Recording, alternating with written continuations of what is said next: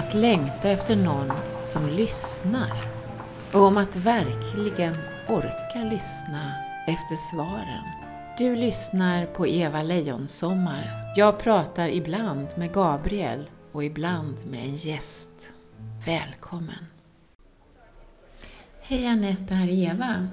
Jag har försökt att kolla lite grann var du håller hus. Jag ska kolla på ditt Facebookflöde. För jag tror kanske att du är i Göteborg. Det jag håller på med nu är att försöka liksom börja producera den här mentalbokspodden och eh, jag går ju samtidigt då en, en poddproduktionskurs så att jag lär mig en del saker. Det är, ja, det är, herregud, det här är ju ett helt annat medium än jag är van vid, men spännande. Anledningen till att jag hör av mig nu då till dig, det är att jag tänkte kolla om du skulle vara intresserad av att bli intervjuad.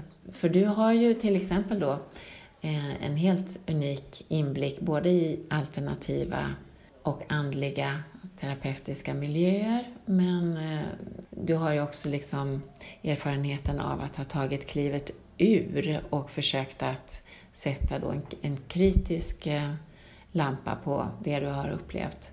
Och du har också erfarenhet från att liksom ha gått då in till det, vad ska man säga, väldigt kanske kritiska och motsatta fältet. Jag tycker att du har, du har en verkligen genomreflekterad och spännande eh, egen resa med det här. Eh, komplikationerna med fenomenet nyandlighet och där kanalisering ju ingår om man tittar på det från ett distanserat eller mentaliserat perspektiv. Så det är min fråga om du överhuvudtaget har lust. Och då skulle jag också läsa in mig mera på vad du har skrivit, framförallt i dina två böcker, så att det blir också ja, men möjlighet att prata om din erfarenhet. Frågan, nu är den ställd. Har du lust? Puss och kram. Hej då! Hallå Eva, det är Anette här. Jag svarar med vändande post. Eh, det är lika bra för att jag blev inspirerad och sen så tänker jag också att eh, fast jag är lite trött så tror jag att det går bra ändå. Eh, jag börjar med att säga ja, det är klart att jag vill. Det låter jätte, jätte, jättekul. Och eh, jag vet ju att du alltid jobbar schysst och i en organisk process och allt det där. Jag vill bara säga att vissa dagar så är jag så jävla trött så jag vet inte vad jag heter som jag jobbar i skolan. Men det låter jättekul. Jag tycker det är skitkul att du gör det där. Och sen precis som i vanlig ordning så Ja, men så jag är imponerad av att du kör på och du går poddkurser och ja, men liksom. Det är underbart med människor som vill någonting och gör någonting. Eh, du har helt rätt, jag har det bra. Eh, till och från har jag haft det lite långtråkigt och så har jag tänkt, men snälla rara lilla Anette, ha nu för fan lite långtråkigt. Det behöver inte vara full turbo och drama hela tiden. Och jag är i Göteborg och jag jobbar som lärarresurs, Sidekick heter det, på en Montessori-skola. Vilket innebär att jag är helt ledig på tisdagar och kan plugga. Så att det finns ingenting att klaga på. Det är helt fantastiskt. Äntligen håller mitt liv på att lugna ner sig. Så därför måste jag sitta still i båten och inte hitta på några nya tokerier bara för att det ska bli lite action. Jag tror du förstår vad jag menar. Det är så kul att du gör det här. Jag vill jättegärna vara med. Alltså verkligen. Och jag vet ju hur du är, sanningssökare liksom. Så det är bara så coolt att du tar in mig också. För du har säkert massa andra flumputtar som lägger ut texter om det andra så att säga. Så jag måste bara säga att det hedrar dig att ta in flera varianter. Och jag är ganska flummig själv också som du vet. Men eh, hör av dig och berätta ungefär när du har tänkt det så ska jag vara lite förberedd. Sköt om dig, jätteroligt att höra din röst. Puss och kram, hej! Hej Annette Nyman! Välkommen till eh, Mentalbokspodden. Tackar, tackar! Hur eh, är läget i Göteborg med dig? Ja, det är blött som det brukar vara i Göteborg. Det regnar, men jag ser ju... Det, alltså det verkligen regnar och så här dimma drivis. Men jag såg på Facebook att det tydligen var så i andra delar av Sverige också den här överhängande molnet, lite skugg, skugga över världen. Regnbågsskugga kanske? Jag tänkte att det skulle vara rubriken för det här samtalet. Ja. och, och då fick jag höra lite grann när jag flaggade för den, för den rubriken att det kanske inte var så där jättepositivt förknipp... Eller vad ska man säga, regnbågen hade lite andra eh, vad ska man säga, associationer för din del. Det var inte så positivt. Nej, men nu när du säger det så funderar jag på ytterligare en grej med detta. Är det så att färgen svart finns inte i regnbågen, va? Eller hur? Ja, det stämmer. Eh, jo, men alltså jag tänker så här, jag tänker att det, om det är Waldorf eller Montessori så får man inte måla med färgen svart och färgen svart finns ju inte i en regnbåge heller. Och det är någonting med det där som provocerar mig när inte allting får finnas. För jag tänker det är ingenting i livet som bara kan vara så där liksom Alice i Underlandet och bara vackert och sött liksom. Utan att det finns alltid alla delar av spektrat. Och så associerar jag med eh, regnbågen, att det liksom blir en eller i alla fall ibland i de kontexterna som du har använt dig i, att det är någon längtan efter någonting som kanske egentligen inte riktigt finns. Och då är det någonting i mig som säger att ja, men om det där svarta också får vara med, så då blir det helt liksom, i, i min värld. Och då la du till skuggan i regnbågen och då, var det liksom, då sa det klick för mig, för då var det helt... Mm. Jag, jag, tänkte ju också att regnbågen är ju precis som du säger någon typ av eh, symbol för det där som inte har landat i, på jorden riktigt. Att det är liksom en, en utopisk vision som om vi inte tillåter det svarta när vi landar den så kan den bli perverterad eller den kan bli eh, farlig närmast. Men att det också kan vara i den där, jag tänkte så här att i skuggan av regnbågen, alltså när vi inte tillåter det svarta att finnas så kan det hända saker som, som mörkas för att vi är så förtvivlat eh, vi klamrar oss fast också vid att, det, att vi inte vill ha skuggan. Vi vill ha det där ljusa regnbågsutopin liksom.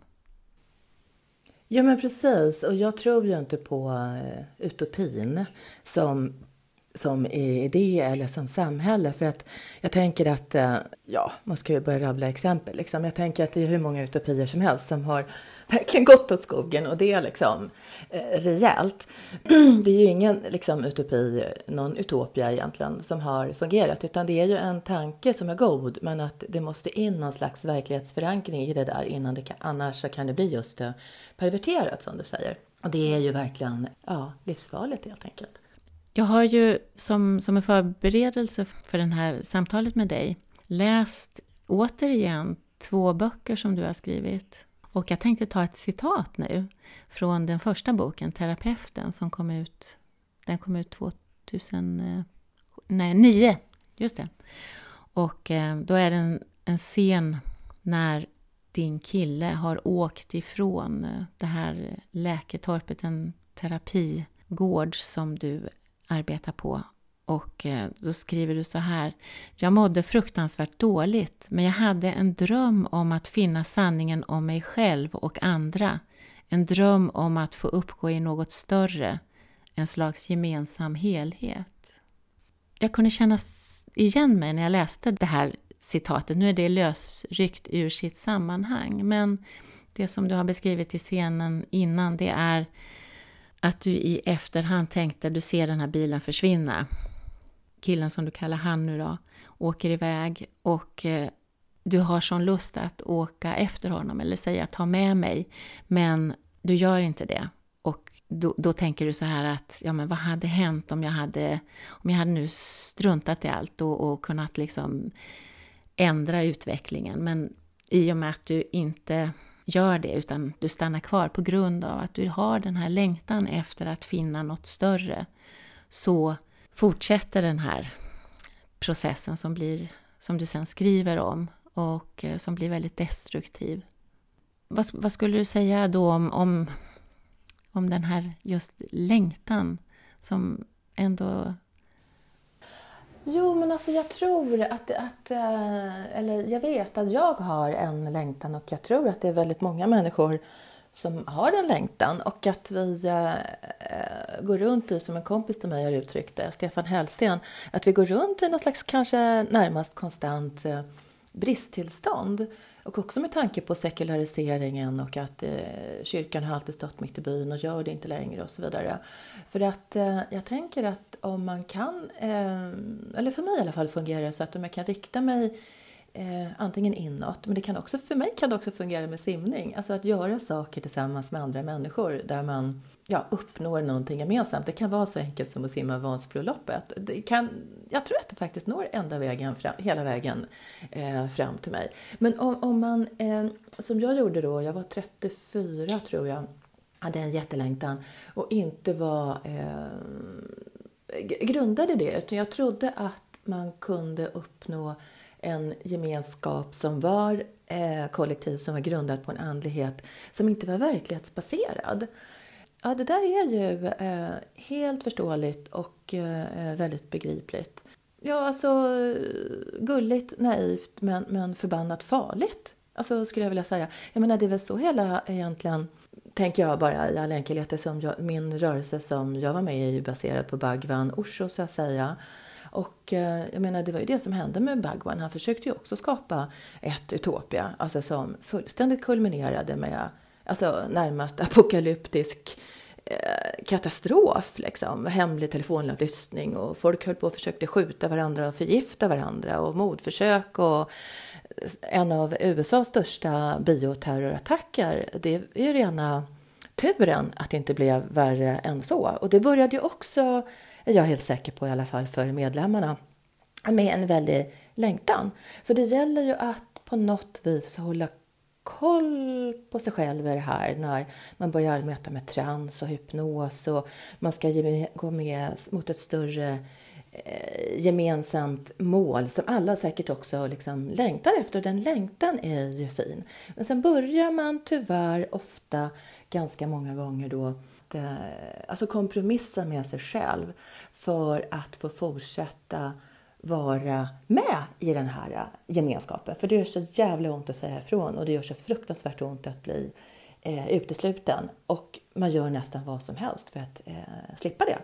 Och jag tänker att det är närmast, jag tror man kan förklara det här liksom rent biologiskt på massor med olika sätt. Om man tittar på hur delfiner simmar i grupp eller fåglar flyger eller alltså att vi, vi, vi eh, behöver varandra i ett kollektiv rent biologiskt för att överleva. Och eh, när det inte längre fungerar och man börjar se att det är olika saker som eh, går snett, du får inte kritisera, du får inte det och du får inte det och så vidare, så, så är det många som inte vågar säga ifrån. Där, där, därmed även jag själv. Utan då börjar man göra någonting som eh, är ganska skumt egentligen, som, som kallas för identifikation med progressorn. Det vill säga man börjar identifiera sig med den som förövaren. Därför att allt annat är nästan omöjligt, för det gör så jävla ont helt enkelt.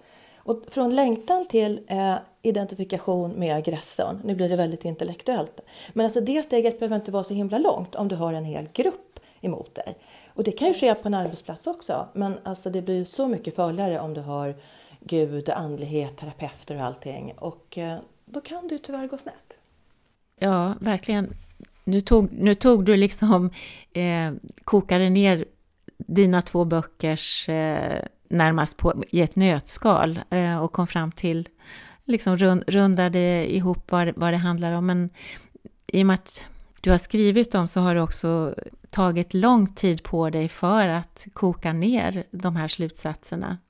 Och jag som precis har, har läst dem nu har ju varit inne i och känt med den tidigare Annette då och gått, gått med dig in i den här sekten och, och eh, eh upplevt vad du upplevde, längtan och, och eh, klarhet men också övergrepp på, på olika sätt och liksom känt att nej, nej, nej, fortsätt inte gå, gå ur här nu, men har också förstått liksom bevekelsegrunderna till varför du fortsatte och gick djupare in och drogs in i det. Och sen också fått uppleva hur du eh, sveks och anledning till också att du ställ, alltså började få tillbaka kanske mer av din eget eh, kritiska tänkande men, men, men att du också sparkades ut den, av eh, de andra medlemmarna när du, alltså när du ville ha klarhet och sanning och inte spelade med.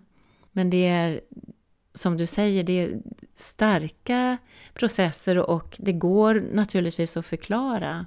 Eh, men det är också rätt vanligt. Och kanske vanligare än vad, nu pratar vi om sekt här, men att det finns liksom den här typen av mekanismer är. Det kan ske på arbetsplatser eller det kan ske i relationer, familjer, på olika sätt.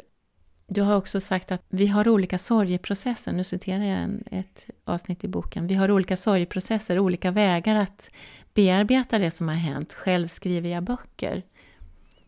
Var någonstans eh, befinner du dig idag i förhållande till det du har skrivit om?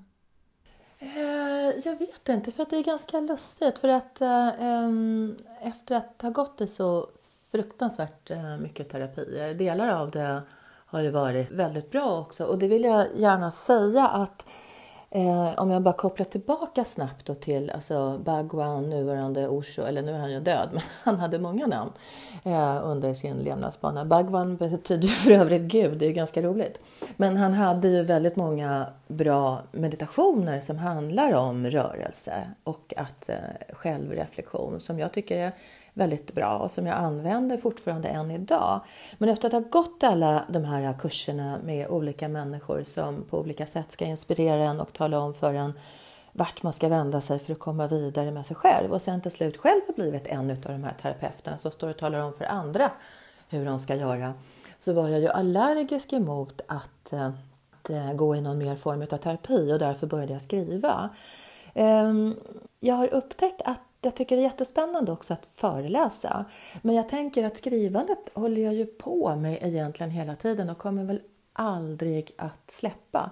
Inte lika liksom, ja fast man vet inte, det kan nog bli en bok eh, till för att eh, det verkar som att eh, jag, precis som du, använder skrivandet för att eh, det finns ju till och med kända författare som har sagt de här sakerna, kanske även på svenska, men jag tänker på engelska så, kan man, så säger de ju att alltså, det är ju skrivande processen som du hör och ser vad du själv tänker. Och för mig är det jätteviktigt att sätta ord på saker för att kunna förstå, för att sen bli lugn i mig själv och finna frid. Jag vet inte, jag har inte läst om mina egna böcker. Jag tycker det skulle vara skitjobbigt att göra det faktiskt. Men det är också så att eftersom det inte går att skriva riktigt så cirkulärt som jag ville skriva, men det är ju för sig en annan, det kan man ju göra en enorm utvikning om jag börjar prata om det. Men det är som att man får ta en, en sten i taget så att säga. Så att det är svårt att svara på. Eh, jag vet inte om du har någon mer konkret fråga där, för jag kan inte riktigt svara känner jag.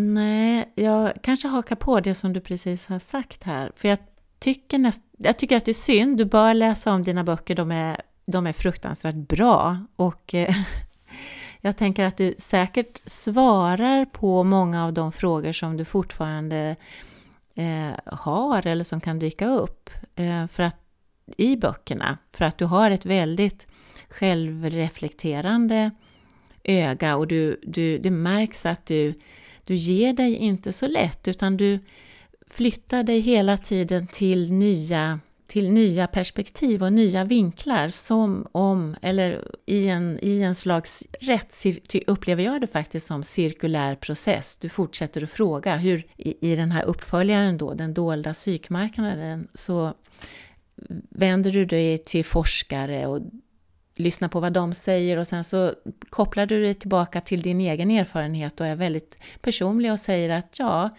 jag stämmer in som ett hålkort kort på till exempel vad Per Granqvist eh, eh, menar hur den personlighetstypen ser ut som dras till nyandlighet. Men å andra sidan så finns det i din egen personlighet andra drag som motsätter det. Du är rebellisk, du är reflekterande, du är kritisk och tänkande. Och så fortsätter du liksom att snurra den här frågan som för att, upplever jag det då, få få en så sann och allsidig belysning och så ärlig eh, som möjligt. Alltså, du vill, alltså sanningssökare är ju det ordet som, som dyker upp när jag tänker på dig. Nu, nu associerar jag bara till det jag hör dig säga, men jag, jag funderar också på det här med att det kan vara svårt att eh, prata nyanserat om, om frågor som, ja, men som, inte är så, som inte är så svartvita, som inte är så enkla. Och eh, när du hade gett ut terapeuten så skrev du, som gavs ut på Nordstedt, så skrev du ju på en uppföljare, men den blev inte så eh, väl mottagen av Nordstedts. Var det för att du skrev, alltså komplicerade frågan? Ja, men jag tror att det är det. Och sen så när jag har blivit intervjuad i efterhand av eh, ja, bland annat Sveriges Radio här om sistens då, då, så går ju journalisterna ut med att eh, de vill göra en nyfiken eh, beskrivning av olika saker och inte prata så mycket sekt och inte prata så mycket sex och så vidare. Och så vidare. Och sen är det här som ett, eh, det, det, är ju som en labyrint. Det finns ju inga enkla svar och det är olika för olika människor och det är otroligt svårt att förstå hela det här spektrat för det handlar om andlighet, sekularisering, pengar, guruism, längtan, kollektiv. Du kan ju titta på det, socio, eh, eh, vad heter det religionssociologiskt, du kan titta på det psykologiskt, du kan titta på det ur tusen olika perspektiv. Och det, det går ju inte liksom att det är ju tävlande tankeparadigm, det är ju tävlande intellektuella universitetsämnen också. Det finns ju inte en, alltså det finns ju inte en människa som kan enas om ens vad är sekt. Man kan ju inte ens berätta vad är religion och vara enig om det. Så det går ju inte liksom att, att göra det enkelt. Och Nordstedts ville ju, tror jag ändå, ha en mer, en mer skruvad bok. Där jag, en, till och med ännu mer skruvad än den första, för den är inte så skruvad men den är ju hjärtskärande i all sin ansats att berätta vad som kan hända med en människa som nästan dör för att bli, har varit med i en sekt. Och då ville de ju att jag skulle vrida åt det här ytterligare och inte nyansera. Plus att de eh, tyckte att jag, jag upplevde som att de tyckte att jag var lite snurrig i bollen, men jag ville ju mera beskriva hur andra hade upplevt det, så blanda med forskning och sen så göra någon intervju och så, och så vidare. Och de ville, de ville, de ville ha en, en linjär rak, eh, en, rak kronologisk tidslinje helt enkelt. Antingen skulle det vara en, fakt, det skulle vara en ren faktabok med massor med forskning. Eller varför inte till och med en lärobok föreslog de vid ett tillfälle. en lärobok i livet eller vadå liksom. Så att liksom, äh, vi, var, vi var inte överens kan jag säga. Och så fattade inte de, och jag tycker att det var ganska stort, att jag vågade vara så sårbar och bjuda på mig själv. Och ändå liksom åkte jag faktiskt till England och jag gjorde intervjuer med amerikanska forskare och engelska forskare i England. Och de tyckte ändå då att jag var liksom ovetenskaplig på något sätt. Så, så, att, eh, ja, lite manlig hierarki där skulle man kanske kunna säga. Jag vet inte om det varit bättre om jag haft en kvinnlig förläggare, men hur som helst så förstod vi inte varandra. Att du är ovetenskaplig, det är helt eh, obegripligt. Den är så vederhäftig och så underbyggd, alltså så att eh, det kan jag inte förstå. Men det här med att du, att du är personlig också och komplicerar frågeställningarna och har med dig själv som under, alltså man får veta vem det är som undersöker och frågar om det är lika med ovetenskapligt, ja då må det väl vara hänt. Men för mig är det det som skapar en, en större tyngd och att, eh, att jag läser liksom med större allvar. Jag tycker att det här är ju ingen, det är inga lätta, inget lätt ämne du tar upp, men det är också det som gör, alltså den, det sättet att skriva som gör att jag inte kan hålla det här ifrån mig. Jag blir väldigt berörd också. Vi träffades ju på Författarförbundet på en kurs i egenutgivning och eh, bestämde oss för att vi, ja, vi hade en, en hel del liknande erfarenheter och bakgrunder och att vi höll på med två bokprojekt som var tassade och rörde sig omkring samma ämnen även om vi, de, de mynnade ut i väldigt olika eh, böcker och produktioner. Men eh, Sen så bestämde att, att vi skulle använda varandra då som lektörsläsare. Och eh, det var spännande men det var också, jag måste säga att det var svårt att läsa din, eh, eh vad ska jag säga, ja, både självupplevda och, och ärliga men också oerhört kritiska och just vetenskapligt korrekta och analytiska blick på någonting som jag också har varit, inte, inte lika djupt inne i en alternativ terapeutisk sekt som du har varit, det har jag inte, men jag har ju varit i utkanterna och jag har anammat det här kroppspsykoterapi eh, rörelsen och andligheten som jag tror väldigt många har varit i kontakt med i vår tid. Så det, var, det var tufft att läsa. Jag kommer ihåg att du, eh, att du tyckte det. Jag minns det.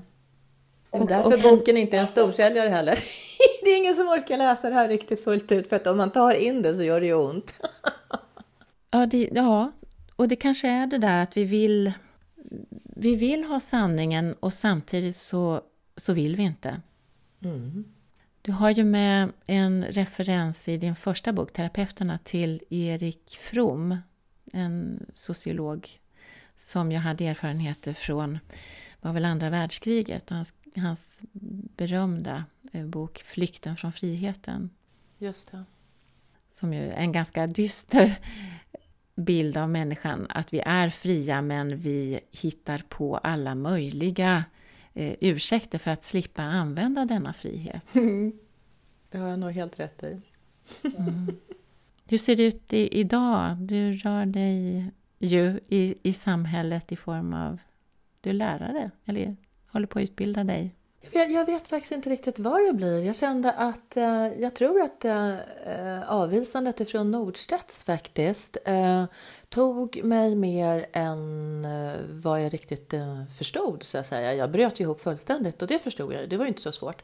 Men eh, alltså, min, min tro på att man ska kunna publicera någonting som är mer eh, tyngre och research, för det har jag ju alltid hållit på med. Jag har ju alltid haft svårt att publicera mina reportage och sen så om jag har skrivit om någonting som har varit väldigt samhällskritiskt så, så vet jag bland annat en gång att de tog in Jan Guillou som fick kommentera det hade jag skrivit och då gick det att publicera det. Men här fanns ju ingen Jan Guillou som kunde kommentera så att säga. Och eh, det, jag, det, det, var, det, det är väl kanske fortfarande en, en, en kris för mig det där att eh, jag tror inte att jag, jag är Jan Guillou, tack och lov ska jag tillägga. Men, men, att, att det är så svårt att få ut vad jag tycker är vederhäftig kritik och viktiga saker. Och att bokförlagen till och med själva säger det att eh, vi har inte råd att ge ut det här utan vi måste göra saker som säljer bättre. Därmed inte sagt att det är fel på kokböcker eller mera lättsmälta deckare. De kan ju vara hur bra som helst och innehålla jättemycket samhällskritik. Men det gjorde att jag hade också svårt att publicera reportage om det här. Jag blev ju uppringd flera gånger för att de skulle göra intervjuer med mig och så publicerade de inte. Och i och med att inte Nordstedts tog in den här boken så var det ju flera andra som inte heller eh, recenserade boken, vilket de hade sagt i förväg att de skulle göra och satt och väntade på den.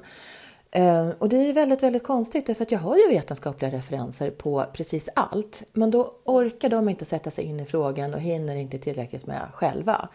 Så om man då hade haft varumärket Nordstedts då hade de vågat citera och tänka att det här är helt okej. Okay.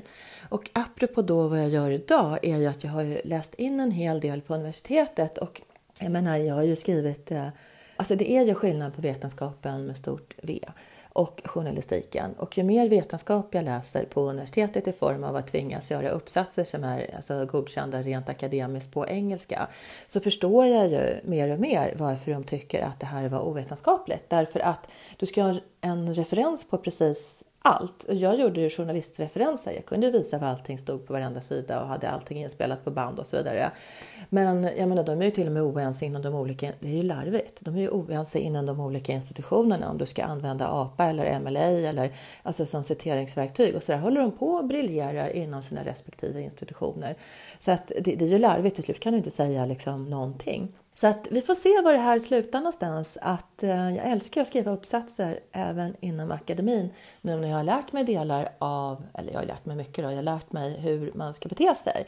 Det är jävligt tjatigt att det är så. Men det tycker jag också är jättekul. Och det, alltså, hade jag varit yngre och hade pengar så skulle jag eh, läsa mera religion och skriva om nyandligheten. Det hade ju varit skitkul att komma ut den vägen för att jag har så mycket kunskap och nu vet jag hur jag ska lägga upp det man ska vara ekonomiskt oberoende så kan man hålla på med det här hela livet. Det finns ju någonting som heter västerländsk esoterism som jag har blivit nyfiken på.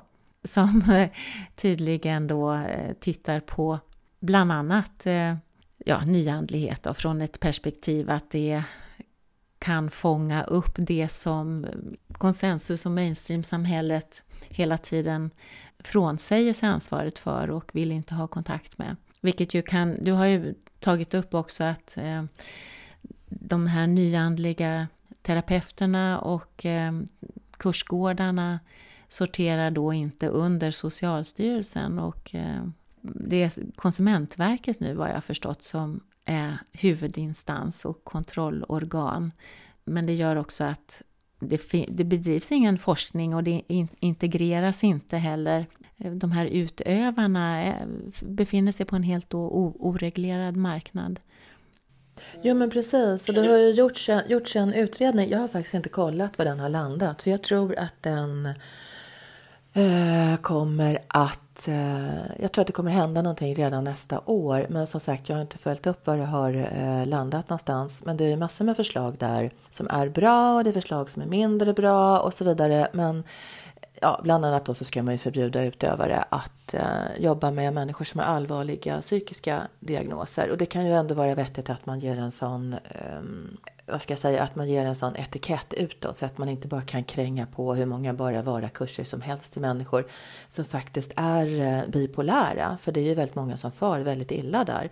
Så kan jag ju som eh, medmänniska tycka att man har rätt att göra precis vad man vill men att man ändå börjar titta på den enorma mängden pengar som, liksom, som, som finns i det här när man erbjuder människor med allvarliga psykiska sjukdomar guld och, och gröna skogar och man vet att det inte fungerar så att säga. Men jag tycker man skulle upprätta ett center där man kan ha både psykologer och psykiatriker och även religionsvetare som är så att säga ja, för sekter. Nej, men alltså att det ska finnas, du ska, egentligen ska du kunna liksom välja. Jag tycker egentligen att man, alltså jag är så motsägelsefull och jag tycker egentligen att man ska kunna välja en schaman på vårdcentralen också. Alltså, men jag tycker att vi, vi borde få mycket mer kunskap och information. Det är en utbildnings fråga helt enkelt. Vi har för lite kunskap och det är jättesvårt att ge den här kunskapen också. Men just att man inte kan lura på en människa ett skört tillstånd i princip vad som helst. Så, så eh, någonstans. Jag kan hålla med dig om att eh, en oreglerad eh, girighet eh, på, i, i, i, form av liksom att lura på människor i, i sköra tillstånd utopier om vad som ska hända om man går en kurs och betalar väldigt mycket pengar. Det, det ska naturligtvis stävjas. Men också det här, det här som du utmålar, att man skulle kunna liksom få en, en annan typ av vård eller behandlare, väg att gå i, eh, som bättre passar den tro man själv har på om man vänder sig till samhället, det, det, skulle vara fantastiskt. För jag tror att det är väldigt många, jag däribland, som har svårt att eh, knyta an till, till hjälpare eller inom den liksom nu snäva skolmedicinen, alltså som domineras ändå av ett, också av en slags, kanske sekterism är fel, men eh, alltså det finns ju, det finns ju en eh, en väldigt, tycker jag, smal korridor av vad man ska tänka av biologisk reduktionism eller ja, vad, man nu vill kalla det. Och, och korresponderar man inte med det eh, sättet att se liksom på människan, då är, blir man ju kanske hänvisad då till den privata marknaden många gånger och, och, kan hamna i ett moment 22 för att har man inte pengar eh, att betala liksom, så ja, det, det, är inte, det är ganska, det är ingen bra situation. Nej, jag håller med dig till eh, 100 procent. Och eh, jag har inte några nya siffror på det här, men jag menar, lite äldre siffror från 2007 tror jag det var, visar ju att sjukvårdspersonalen till, om det var eh, 30 eller 50 procent kanske till och med, går ju själva till alternativa läkare. Så att alltså, och även där, alltså de som har pengar kan ju eh, få tillgång till eh, alltså massor med olika testresultat och, och eh, kolla upp sig även den vägen där folk jobbar blandat med skolmedicin och alternativmedicin. Så att, eh, ja, och andlighet och tro, ja, det, är ju, det är ju väldigt svårt. Det är en väldigt svår situation. Det känns ju som att eh, det är väldigt svårt att komma runt det här också. Jag tror att det är otroligt svårt. Varför skulle det vara svårt att komma runt det? Eh, därför att dels så, det har ju varit otroligt spännande att läsa eh, religion och eh, självklart så är inte det här några nya diskussioner. Men redan Platon varn, varnade ju för liksom falska, ja Messias fanns ju inte på den tiden, men vad heter det, falska profeter och så vidare. Och jag menar på Jesu tid så gick ju hans lärjungar runt och knackade dörr och erbjöd ja, människor andlig support och stöd och så vidare. Och eh, jag menar, var man tillräckligt pank och behövde mat så kunde man ju bli en sån här profet redan då. Och jag menar, alltså det här är en mänsklighet försöker komma runt det. Det är alltså tusentals år och sen då blir det extra knasigt att det sitter gurrisar som har lösning på det och ännu mera koko att det sitter folk inom skolmedicinen som säger att det är bara vetenskapen med stort V. Alltså det, det, är, ju, det är ju väldigt övermaga. Människor har ju brottats med den här typen av problematik i hur många tusentals år som helst och nu tror vi att vi ska kunna hitta en lösning på det. Alltså det, det, det, det är ju svårt. Alltså, jag tror att det är väl någon slags ödmjukhet som måste komma till och eh, komma bort ifrån eh, ja, pengarna också, hur det nu ska gå till. Jag tänkte på det att, att eh, Jesus var ju en väldigt, eh, nästan arketyp av en sektledare på ett sätt. Eh, i, så, I så mått att han eh, sa att eh, lämna allt och, och följ mig och eh, nu ska inte liksom din, din moder och din fader vara din familj längre utan nu är det liksom din fader i himlen. Eh, ja, det kanske var att dra det lite långt men det slog mig faktiskt när jag just läste i, i din senaste bok då, Den dolda psykmarknaden och när du hade pratat med någon sektforskare, vad är det som vad är det som eh, utmärker en sekt till exempel och vad är det för mekanismer? Och då är det ju då bryta med allt. Eh. Ja men verkligen, det är väl därför judarna är så förbannade på honom. För att han, han var ju jude själv naturligtvis och skapade en helt egen sekt som vänder sig mot judendomen. Det är jätteroligt. Alltså det, det här är så snurrigt, det går inte att komma runt det här. Jag tycker det är jättekul. Hans sekt stod sig ju ja, växte sig med tiden rätt stark. Och eh, jag är ju en, en, ett barn av den sekten, kan man väl säga. Nej, det är svåra frågor, jag håller med dig och jag märker att jag kommer lite grann kanske ifrån tråden här. Jag håller ju på, om vi, om vi backar då lite grann till det här forumet när jag intervjuar dig. Jag har ju gjort då en podd som jag kallat Mentalbokspodden Ehm, där jag också pratar om kanalisering. Min egen erfarenhet av kanalisering och det är ju en, både en väldigt gammal eh, fenomen men det har också blivit någon, någon nyandlig trend har, har jag förstått att eh, det är många som kanaliserar eh, allt möjligt. Vad, vad, vad tänker du? Vad har du för tanke om det? Eh, nej men jag, jag, tycker att det är bra, och, eh, eller bra och bra. Jag menar det är väl jättefint om man kan hitta ett eget stöd och ställa frågor till eh, någon som dessutom svarar. Det måste ju vara ungefär som Carola som man känner när hon uppträder på TV. Hon har ju fadern i handen när hon går ut på scenen. Det måste ju ha hjälpt henne något oerhört med detta självförtroende så att säga. Och eh, jag, jag vet inte, jag tycker väl egentligen inte någonting om det förutom att det är eh, positivt. Jag har ju aldrig eh, eh bett dig eh, fråga Gabriel någonting för min del eller så. Men eh, jag har lite svårt att svara på det. Jag har absolut inga negativa tankar om det i alla fall. Men jo, men förresten, du, du hjälper ju andra ibland också. Visst gör du det? Att en del får ställa frågor till Gabriel. Du har inte frågat mig. Undrar varför?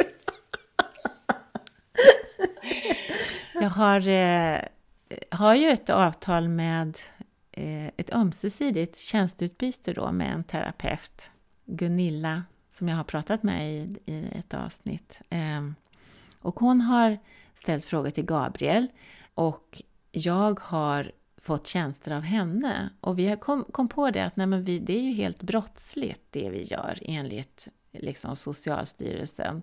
Eh, nu har inte vi några pengar inblandade så att jag, och ingen av oss har tänkt att anmäla den andra men skulle vi göra det så skulle det vi gör vara väldigt olagligt egentligen. För att hon har också behandlat mig med hypnos, vilket hon ju inte får. Precis, precis. Mm.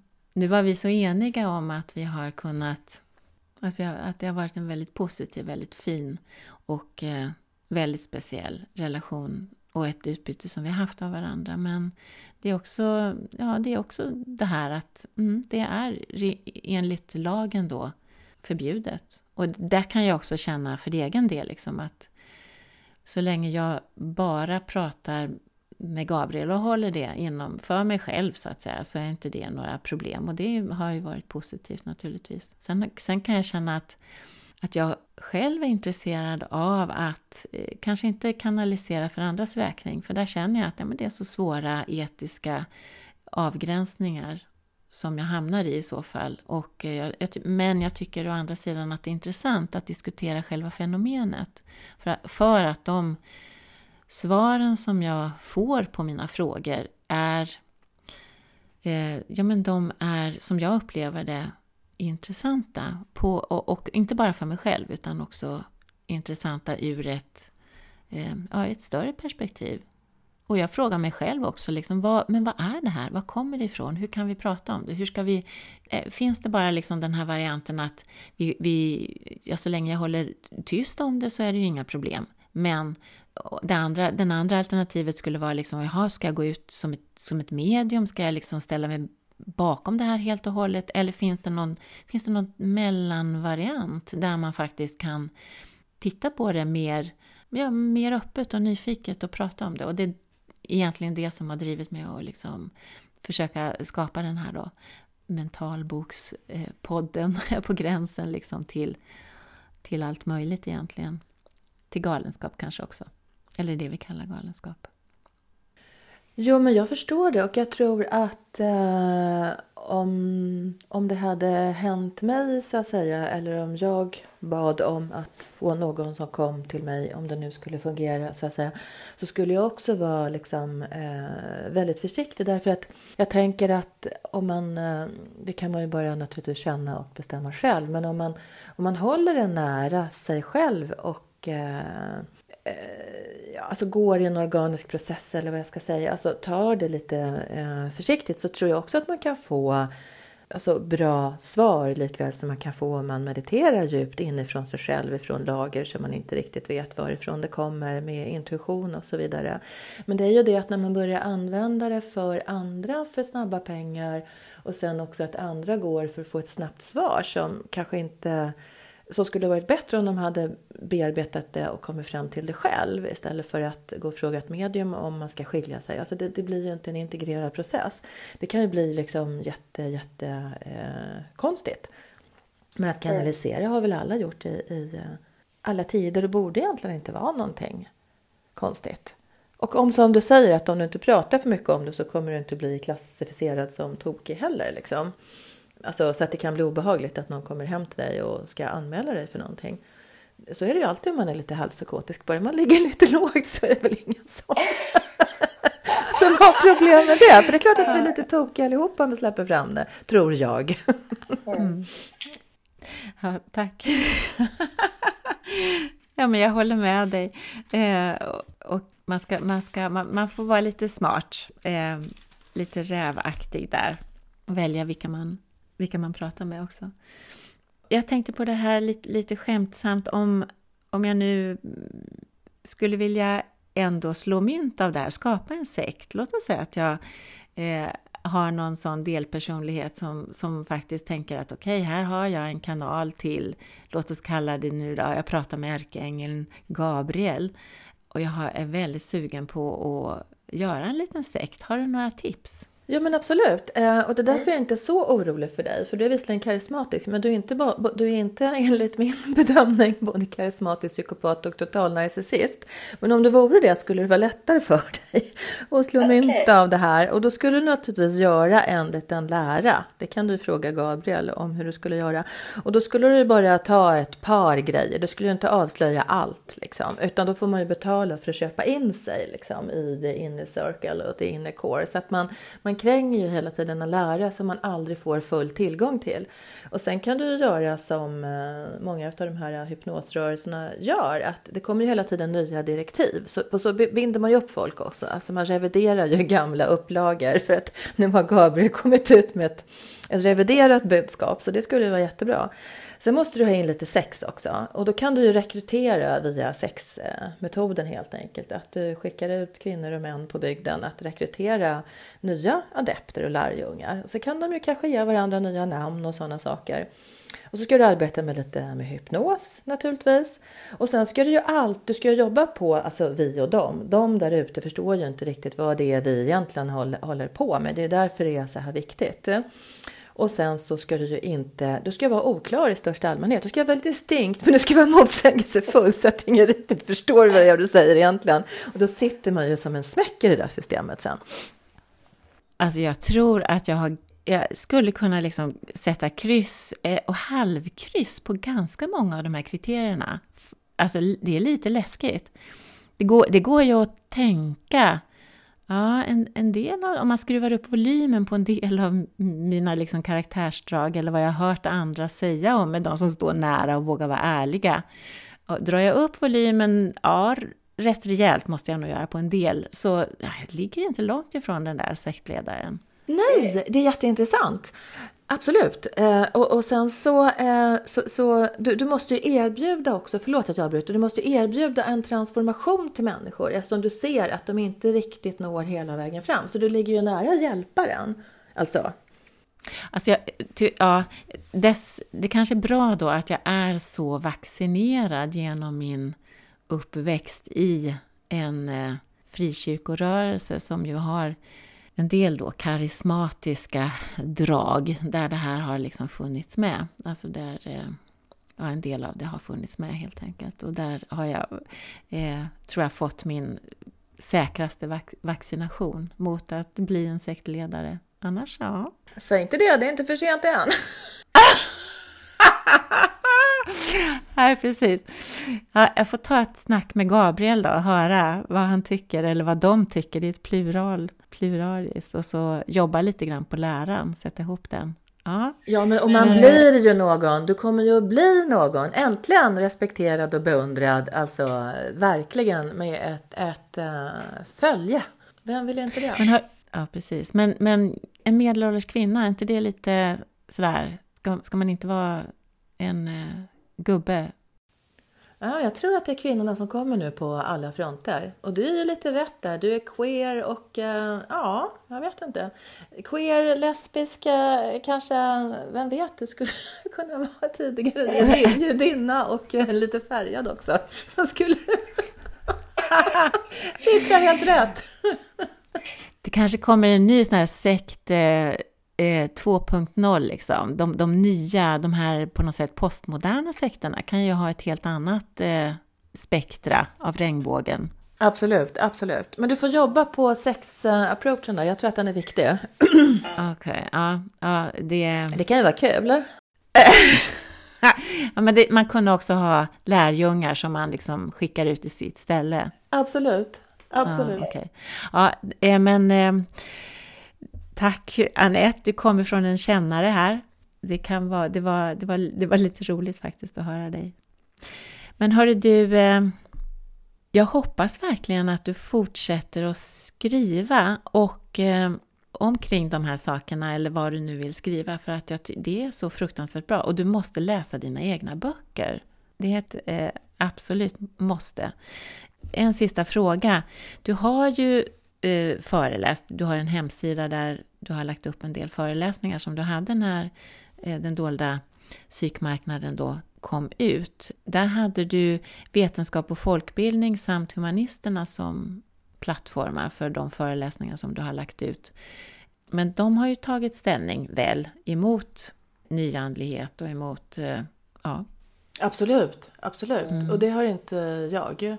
Men de var villiga att eh, ta del av det här eftersom de plockar ut de bitarna de tycker är intressanta. Men de har aldrig försökt eh, tysta mig eller liksom någonting sånt. Utan jag har alltid jag har sagt åt dem också att ni får läsa det jag skriver först så att inte ni tycker att det här är helt fel för oss. Men då, så pass öppna har de ändå varit att de tycker att det är okej okay, och vi tycker ju rätt olika.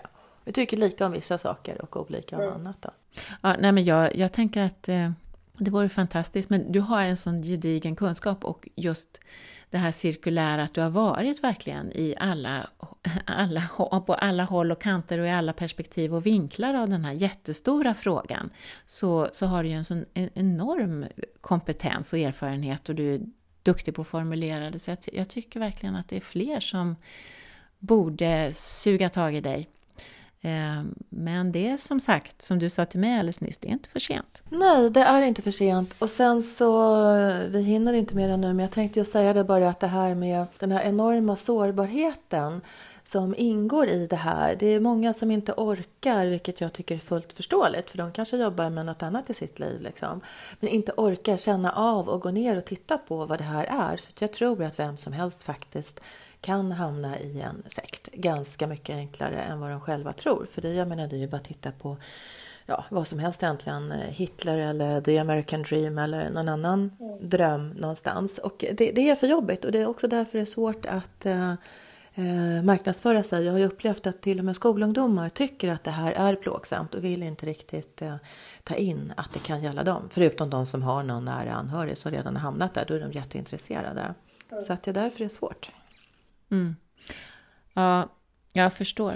Jag förstår problemet. Det är, en, det, är en, eh, det är svårt med den där regnbågsskuggan. Vi vill hellre ha regnbågen än skuggan. Precis, absolut. Men du, eh, vi kanske ska avsluta vårt samtal.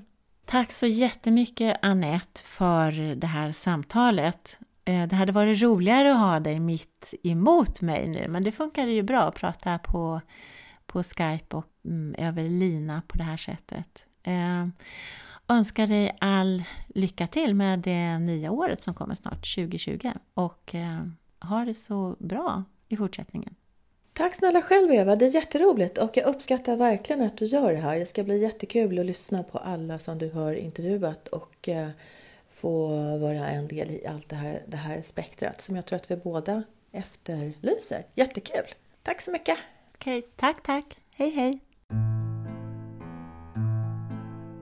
Du har lyssnat till ett avsnitt av Mentalbokspodden producerat av Eva Lejonsommar och Författarförlag. Vi ger ut det som inte låter sig diagnostiseras. Följ oss gärna och på egen risk. Författarförlag.se